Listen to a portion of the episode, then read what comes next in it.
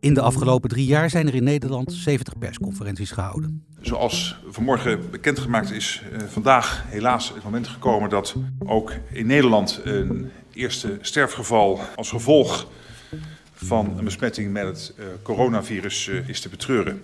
Positief nieuws, negatief nieuws, het passeerde allemaal de revue. Al een paar weken geleden zag je de eerste kerstbomen in huiskamers. Die op vrijdag 18 juni stonden Hugo de Jonge en ik stil bij de gunstige ontwikkeling van de coronacijfers. Maar op een gegeven moment viel de expertie iets op.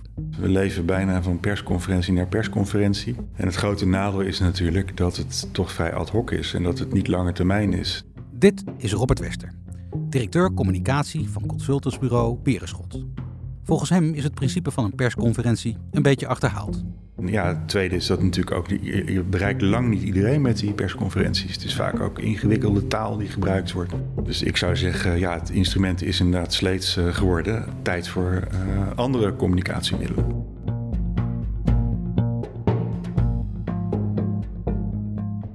Dit is Verbonden door een virus, een podcastserie van Adformatie over de communicatielessen van de coronacrisis in Nederland en Europa. Mijn naam is Jasper Mulder en in deze aflevering kijken we naar overheidscommunicatie, zowel in Nederland als in andere Europese landen.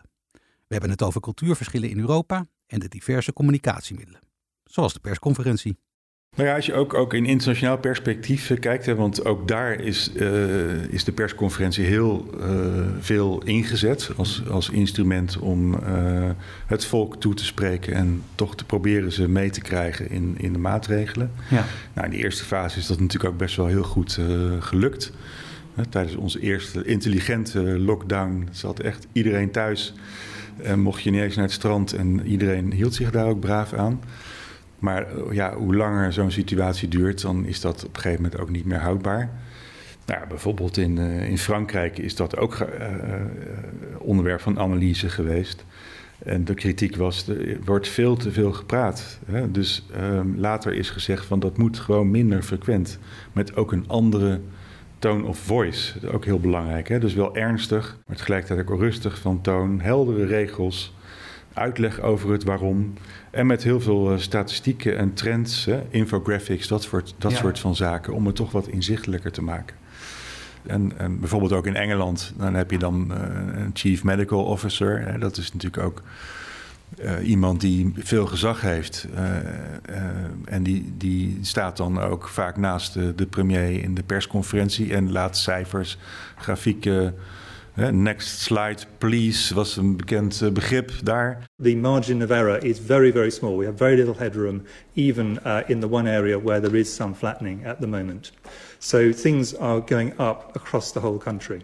Next slide, please. Nou, ik zag het toevallig minister Kuipers laatst ook doen. Hè. Die maakte ook gebruik van infographics. Dus, dus nou ja, het, het geeft wel aan. Hij is natuurlijk ook iemand met veel gezag. Komt ook uit die medische wereld. Ja, dat is natuurlijk heel erg belangrijk. Hè. Uh, geloofwaardigheid van je communicatie neemt natuurlijk toe. Op het moment dat je mensen met een zeker gezag daarover kunt laten spreken. In Nederland waren de hoofdpersonen en crisismanagers in de coronacrisis politici. Mark Rutte, Hugo de Jonge, Vert Grapperhaus. In Portugal was dit anders en stond er een militair aan het roer. De generaal Henrique Gouveia Imeo. Hij sprak het Portugese volk, geheel militaire outfit, in duidelijke bewoordingen toe. So there is only two sides. Are you on the side of the virus, helping the virus because you don't want to be vaccinated? Or are you in the side of the community, of everybody? Door zijn kordate optreden werd Portugal een van de voorlopers in het vaccinatieprogramma. Zou zo'n charismatisch figuur ook in Nederland werken? Nou ja, dit zijn natuurlijk wel allemaal culturele verschillen. Hè. Dus uh, in Portugal werkte dat uh, heel goed. Overigens kan ik me nog van de Mexicaanse griep herinneren, dat is tien jaar geleden of zo. Ja. Dat toen Defensie ook een hele prominente rol heeft gespeeld uh, in, in het hele vaccinatiegebeuren. Dat was toen een geoliede machine werkelijk. en daar is in Nederland eigenlijk niet of nauwelijks of laat gebruik van gemaakt. Dus op zichzelf uh, is, dat best wel, is dat best wel raar. Nederland was vooral met zichzelf bezig in de coronacrisis. We hadden onze eigen aanpak. Hebben we als voorloper van de EU ons niet te veel afgekeerd van andere Europese landen? En hebben we daar in deze crisis last van gehad?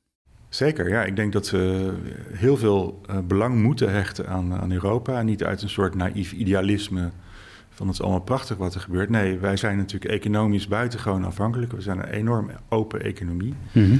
Maar we zijn traditiegetrouw heel erg uh, ja, transatlantisch georiënteerd uh, geweest. Met name op de Verenigde Staten en het uh, Verenigd Koninkrijk.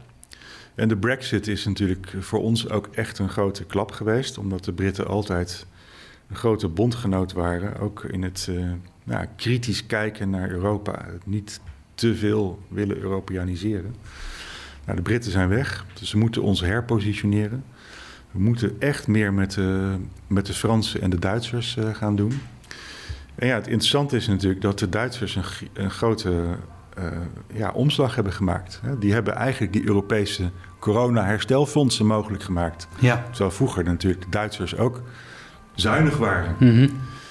um, en ook als je kijkt naar de nieuwe regering onder leiding van Olaf Scholz.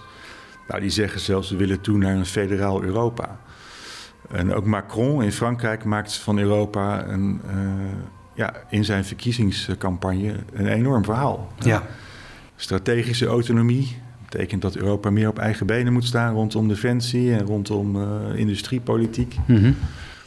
um, ja, en wij zijn met, met onszelf bezig geweest. Dus wij zijn niet voldoende aangehaakt op de belangrijke Europese netwerken. En dat is best uh, zorgelijk. Als we dat terugslaan naar de, naar de coronacrisis en ook die communicatie daarover, uh, zie je daar elementen van terug, uh, van die in zichzelf gekeerdheid? Ja, nou ja, de, de, de, het mooiste voorbeeld vind ik zelf de, de intelligente lockdown hè, die wij dan zouden hebben. Alsof andere landen ja, minder intelligent zouden zijn. Die hadden natuurlijk ook gewoon lockdowns. Ja. Um, uh, we hebben op een gegeven moment ook een vaccinatiestrategie gekozen om zelf uh, met een aantal andere landen uh, te kijken of we vaccins konden bemachtigen bij, bij een aantal producenten. Nou, toen werd gelukkig de Europese Commissie ook wakker en die heeft dat snel weten te, te, coördineren. En dus is een Europese brede strategie opgezet. maar goed, dat onderstreept allemaal wel dat Nederland erg met zichzelf bezig is geweest. En um, ja, qua communicatie um, denk ik, er is heel veel expertise in huis. Hè? Dus ook bij het RIVM bijvoorbeeld. Hè? We maken gebruik van een gedragsunit. Uh, we peilen heel goed hoe, uh, hoe, de, hoe de bevolking denkt over belangrijke ontwikkelingen zoals de, de coronacrisis. Maar we maken geen gebruik van het internationale perspectief. Het is natuurlijk ook een crisissituatie. Als de hele straat in brand staat, plus je eerst je eigen huis. Daarna kijk je pas naar de buren. Maar toch kunnen we in een crisis veel van andere landen leren. Ja, misschien komt er ook wel een soort van gezondheidsunie aan in de toekomst. Het is nu ja. natuurlijk nog een nationale competentie. Maar ik sluit niet uit, ook de Fransen die hameren daarop. We moeten echt meer doen, uh, gezamenlijk in Europa, om uh, ja, toekomstige crisis zoals deze te kunnen voorkomen en ook gezamenlijk te kunnen uh, optreden. Nous n'avions pas cette compétence communautaire au début de la crise. Nous nous sommes organisés, nous l'avons fait, nous avons produit, nous sommes en train de vacciner à marche forcée et nous y arriverons. Alors oui, la coopération européenne a sauvé et sauve des vies. Et c'est une force. De Franse president Macron bevestigt hier dat de landen in Europa in het begin niet samenwerkten, terwijl dat wel hun kracht is. Nadat we samen gingen werken, hebben we als Europese Unie levens gered. Hij hamert er dus ook op dat in de volgende crisis Europees moet worden gehandeld.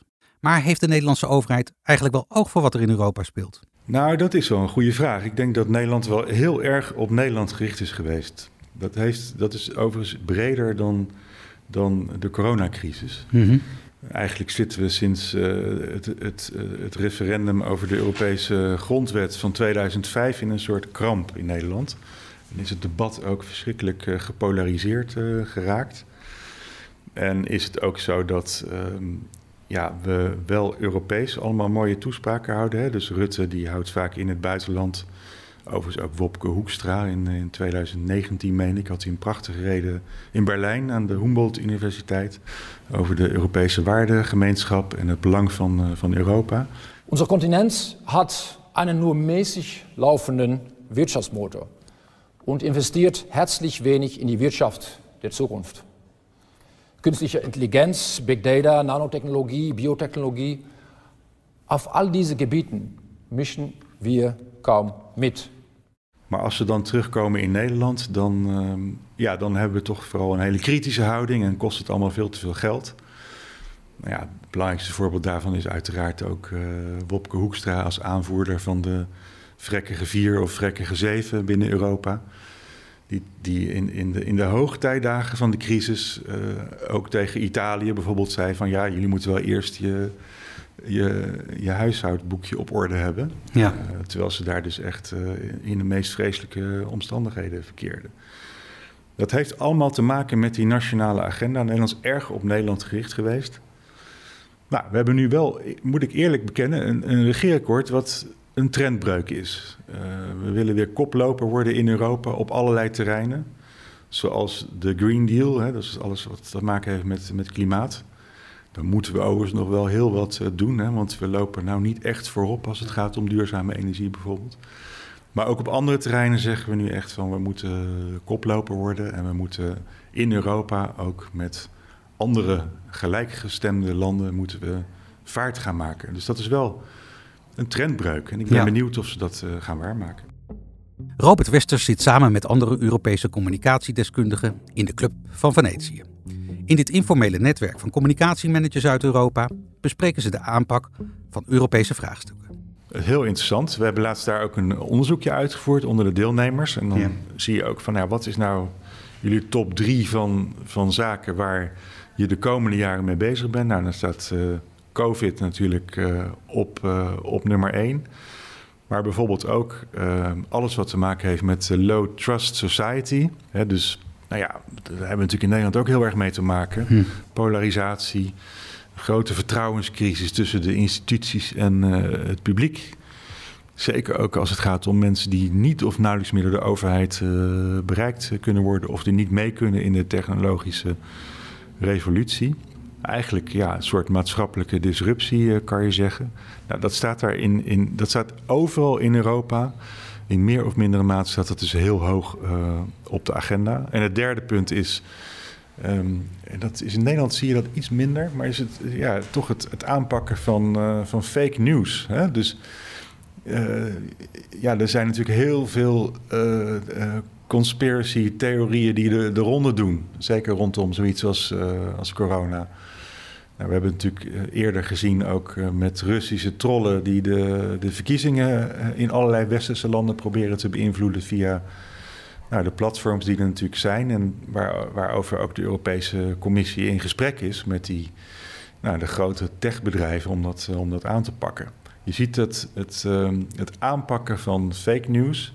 En dat is best lastig, hè, want je wil ook niet een soort censuurpolitie uh, zijn vanuit, uh, vanuit nationale overheden. Dat kan natuurlijk ook helemaal niet. Maar je gaat wel het gesprek aan, zowel met die, uh, die grote techbedrijven, met hè, de, de, platforms waar heel veel van die informatie en ook fake informatie wordt gedeeld. En je, gaat, en je probeert tegelijkertijd ook de, de onafhankelijke media te, te versterken. Met name ook in de, in de Oost-Europese landen, waar dat echt een, ja, ook een, een punt van zorg is natuurlijk. Dus zowel de aanpak van uh, corona als het omgaan met die maatschappelijke disruptie, als het tegengaan van fake news, ja, dat zijn dingen die heel hoog op de agenda staan en iedereen is daarmee aan het worstelen. Mm -hmm. En het is natuurlijk hartstikke interessant om van elkaar daarover te horen van hoe pak je dat nou aan? Hoe pak je fake news en desinformatie aan? Daar hadden we het ook met Marielle Kroon over in de eerste aflevering van deze serie.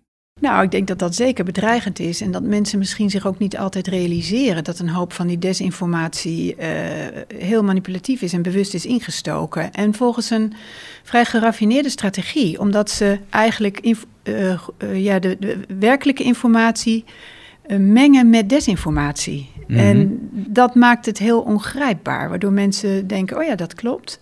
En dan zal de rest ook wel kloppen. Maar wat merkt Robert Wester uit zijn eigen ervaringen? Ja, we zitten allemaal in bubbels. De ene zit in een hoog opgeleide cosmopolitische bubbel. Maar heel veel mensen zitten er natuurlijk niet. En in die bubbels wordt eigen informatie verspreid. Waardoor zeg maar, de, de informatie die uit de, reguliere media komt of van de overheid komt, nauwelijks meer opvalt. Uh, of in elk geval geen serieuze plek meer heeft. Um, dus daar, ja, daar zal je echt iets uh, aan moeten doen. En dat is hartstikke ingewikkeld. Want ik zei net al, ja, het is, het is lastig om als overheid, als een soort censuurpolitie, overal tegen op te treden. Ja, ik heb vroeger ook bij de overheid gewerkt in communicatiefuncties. En als, als dingen ons niet bevielen, dan melden we dat ook gewoon. ja. Als overheid kan je ook, denk ik, daar gewoon een rol in spelen en aangeven: nou, dit is de informatie vanuit de Rijksoverheid of vanuit de gemeente. Wij, wij vinden dit. Ja. En pas op voor dat. Doe, eh, ik, ik, zie, ik zie niet in wat daar, wat daar tegen is. Maar je ziet wel zou Nederland wat assertiever kunnen zijn wat dat betreft? Ja, ze zijn er best terughoudend in op de een of andere manier. Uh, en ik vind ook dat je het gesprek met de journalistiek daarover kan aangaan. Hè? Want de journalistiek heeft daar natuurlijk ook een rol in te spelen. Omdat ja, vaak toch logisch. Uh, incidenten zijn nieuws, dus daar ligt de nadruk op. Um, maar het bredere perspectief uh, ontbreekt vaak. Gelukkig zien we wel weer hier en daar de echte onderzoeksjournalistiek terugkomen. Ik noem Follow the Money, maar ook bijvoorbeeld de Volkskrant doet daar veel aan. Er zijn ook andere media waar dat weer terug op de agenda komt. Maar veelal, zeker ook in die Haagse context, is het toch een beetje heigerig achter elkaar aanrennen. Mm -hmm. En kijken wat de verschillende politici allemaal weer voor mening hebben. Sowieso leven we in een soort meningenfabriek in Nederland op dit moment. Hè, met al die praatprogramma's. Waar de een na de andere uh, bekende Nederlander uh, ook een opvatting heeft over hoe je moet omgaan met nou ja, van alles en nog wat. In Europa is uh, desinformatie tegengaan een, een heel hoge, grote prioriteit. We willen geen ministerie van waarheid maken, maar we willen wel heel nadrukkelijk nou, zowel de, de techbedrijven aanspreken hè, om te monitoren of ze de content op hun platforms kunnen verwijderen op het moment dat het echt om fake nieuws gaat. En tegelijkertijd ook de, de onafhankelijke media en de journalistiek uh, ondersteunen. En echt een, een ja, EU Rapid Alert System bouwen, waarin je uh, ja, op het moment dat er fake news opduikt, dat je daar ook echt uh, proactief op, op reageert. Dat, ja. is, dat is een beetje in tegenspraak met elkaar, maar dat je in elk geval dat je daar tegen optreedt. In de Club van Venetië zijn de geluiden uit de verschillende lidstaten te beluisteren.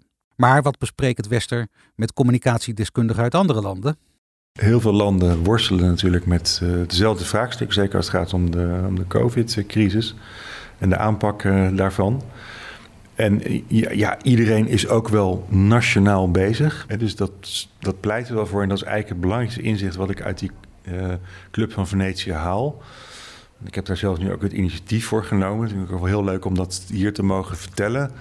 Ik zou het heel erg mooi vinden om, um, hè, los van de ontwikkelingen die er nu zijn rondom het creëren van een, uh, een gezondheidsunie, of in elk geval meer coördinatie mm-hmm. rondom gezondheidszorg op Europees niveau.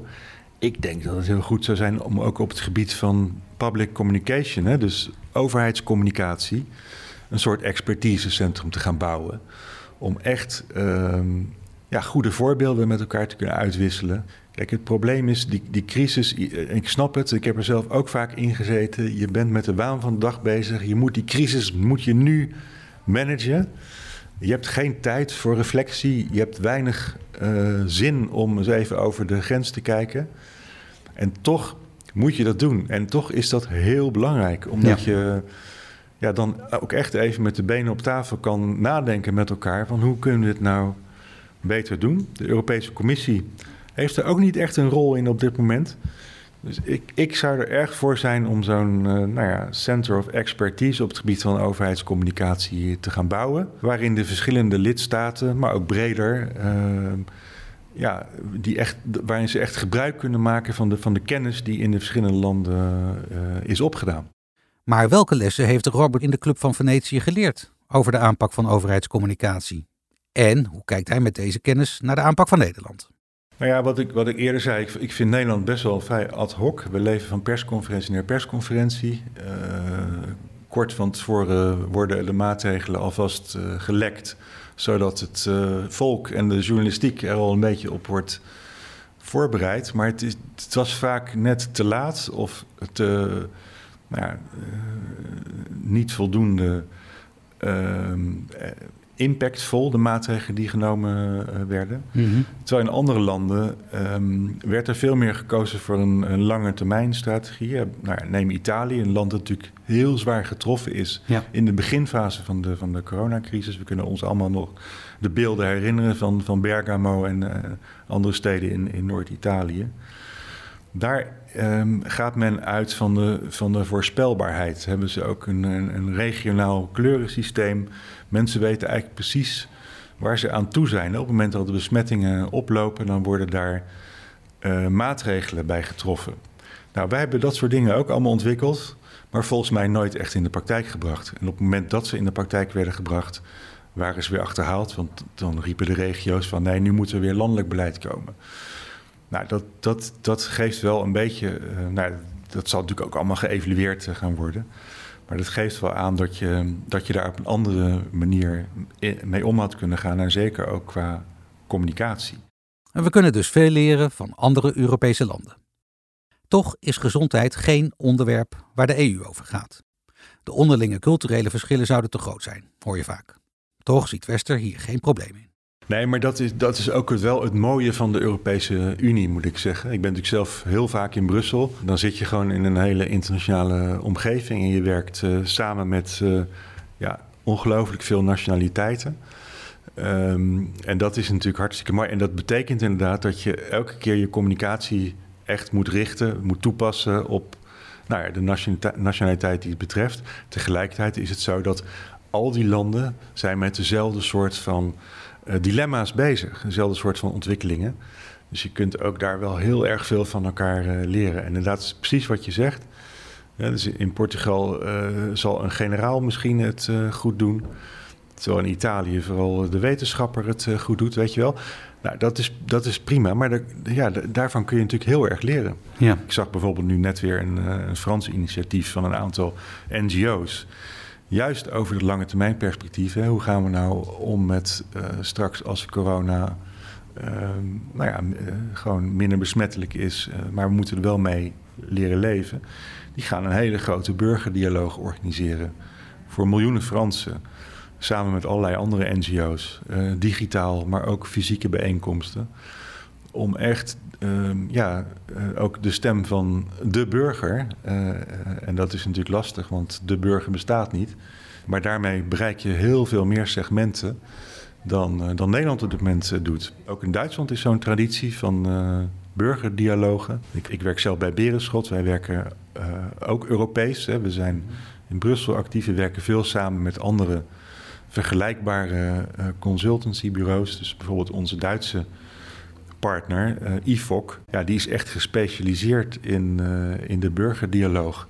En organiseert dat eh, niet alleen voor de, voor de overheid in, in Duitsland, maar inmiddels ook Europees. Hè. Dus bijvoorbeeld voor de, nou ja, de, de, de conferentie over de toekomst van Europa, die nu gaande is. Waar je in Nederland overigens weinig over hoort. Ja. Maar wat in andere landen wel degelijk een, een onderwerp is wat, wat men interessant vindt. Ehm, met als doel om ja, echt de, ja, breder in die samenleving te kijken hoe mensen erover over denken. In Nederland was er een soort gelijke aanpak om een burgerdialoog aan te gaan. De klimaattafels. Een divers pluimage van vertegenwoordigers uit de samenleving praten toen met elkaar over de aanpak van het klimaatprobleem. Zou dat in Nederland ook kunnen op het gebied van de coronacrisis? En wie zouden er dan moeten aanschuiven? Ja, nee, kijk, dat is natuurlijk ook wel een beetje de kritiek eh, op de, de Nederlandse aanpak. En dat zie je overigens ook in veel, veel buurlanden wel, eh, hoor, die kritiek. Want het is wel heel erg gericht op eh, de medici eh, en de, nou ja, zeg maar de epidemiologen. Hè? Dus de mensen die echt veel weten uiteraard van het virus. En ja, dat is natuurlijk ook heel erg belangrijk. Ehm, maar we vergeten dan hele grote, belangrijke andere sectoren. Dus je zou veel meer multidisciplinair zou je ook naar die coronacrisis moeten eh, kijken. Nou, dat blijkt nu ook wel. Er liggen gelukkig steeds minder mensen op de IC's. En toch is ons beleid nog steeds, nou, het is eigenlijk onduidelijk, maar volgens mij voor, voor een groot deel gericht op ziekenhuisopnames en de IC-capaciteit. Terwijl natuurlijk als je kijkt naar, eh, naar jongeren of naar scholieren, ja, dat zijn we toch wel een beetje vergeten. Maar ook de economie. Hè? Dus het is toch belangrijk dat je nou ja, verschillende sectoren daarbij eh, betrekt. En dat gebeurt in, uh, in andere landen gebeurt dat in toenemende mate. Ook in Denemarken is dat, ja, is dat een mooi voorbeeld. Waarin er echt vanuit meerdere perspectieven, vanuit meerdere invalshoeken geadviseerd wordt aan, uh, aan de regering. In Nederland wordt voor de overheidscommunicatie het CASI-model gebruikt. Het communicatie, activatie, strategie-instrument. Hierin staan de inzichten om gedrag te beïnvloeden. Het helpt campagnemakers en communicatieprofessionals een analyse van het gedrag te maken en onderbouwde strategische keuzes. Hoe reageren de internationale collega's van Robert Wester op dit model? Dat vinden ze heel interessant. En wat, wat, wat ook interessant wordt gevonden, is dat Nederland bijvoorbeeld ook een academie voor overheidscommunicatie heeft, waarin ook kennis wordt uh, verzameld. Um, en die spelen natuurlijk ook een belangrijke rol in het professionaliseren van de overheidscommunicatie in Nederland. Eigenlijk zou je zoiets op Europees niveau moeten hebben. Dus dat je echt zorgt dat, uh, nou, dat communicatieprofessionals uh, verder denken dan uh, de waan van de dag. want dat is natuurlijk in de crisis het geval, maar dat was voor de crisis ook al zo. want woordvoerders zijn natuurlijk toch vooral gericht op, nou ja, op, op de, de media. Die moeten 24-7 moeten kunnen reageren. Maar het is juist zo van belang om die langetermijn communicatie, lange termijn, het langetermijn perspectief uh, in te brengen. En dat kun je opbouwen, die kennis, door echt zo'n academie uh, te hebben. Nou, daar zijn mensen buitengewoon enthousiast over. Uh, die, zij geven ook vaak trainingen in, in bijvoorbeeld Oost-Europa. Nou, dat, dat zijn heel, heel erg goede initiatieven. Um, waar ik graag op zou willen voortbouwen. Ja, zou Nederland, uh, je zegt ik wil er een leidende persoon in zijn, uh, dat is natuurlijk ontzettend interessant. Uh, denk je dat Nederland ook een leidend land zou kunnen zijn op dit gebied? Ja, op het gebied van overheidscommunicatie zeker. Vroeger leerden wij ook heel veel van, van de Britten. Mm -hmm. Die waren ook heel ver in strategische communicatie en ehm, echt met, ja, met roosters werken en met lange termijn campagnes. Uh, wij, uh, wij zijn denk ik een goede tweede uh, in Europa. Um, en andere landen die, um, die staan vaak versteld hè, van hoeveel communicatiecapaciteit er ook beschikbaar is in, in, in, in, in, in Engeland, maar ook in, in Nederland. nou ja, daar kan je ook andere landen mee helpen. Dus ja. Um, ja, daar waar Nederland heel erg op zichzelf gericht lijkt te zijn, kunnen wij zeker op communicatiegebied uh, kunnen we zeggen dat we, nou, dat we voorop lopen. De eigen koers van Nederland heeft er dus ook voor gezorgd dat we op het gebied van overheidscommunicatie worden gezien als het beste jongetje van de klas. Maar toch is het glas voor de toekomst, volgens Robert, half vol of half leeg. Wat mij betreft is het glas uh, half vol. Ik vind het regeerakkoord wat dat betreft ook echt uh, hoopgevend. Ja. Natuurlijk moet er nog een hoop waargemaakt worden. Maar daar waar we begonnen met van we zijn wel erg op Nederland gericht en op de korte termijn, hoop ik dat we iets meer op Europa gericht raken in de komende periode. En ook wat meer op de lange termijn. En ik zou daar zelf ook dus graag een uh, hele actieve bijdrage aan willen geven vanuit het uh, communicatieperspectief. Je luisterde naar Robert Wester, directeur communicatie van consultantsbureau Berenschot. Dit interview is onderdeel van de serie Verbonden door een virus. Daarin gaat Adformatie op zoek naar communicatielessen uit de coronacrisis in Nederland en Europa. Ik ben Jasper Mulder. De productie is in handen van Microphone Media en mede mogelijk gemaakt door het Mediafonds van de Europese Unie. Bedankt voor het luisteren. Tot de volgende aflevering.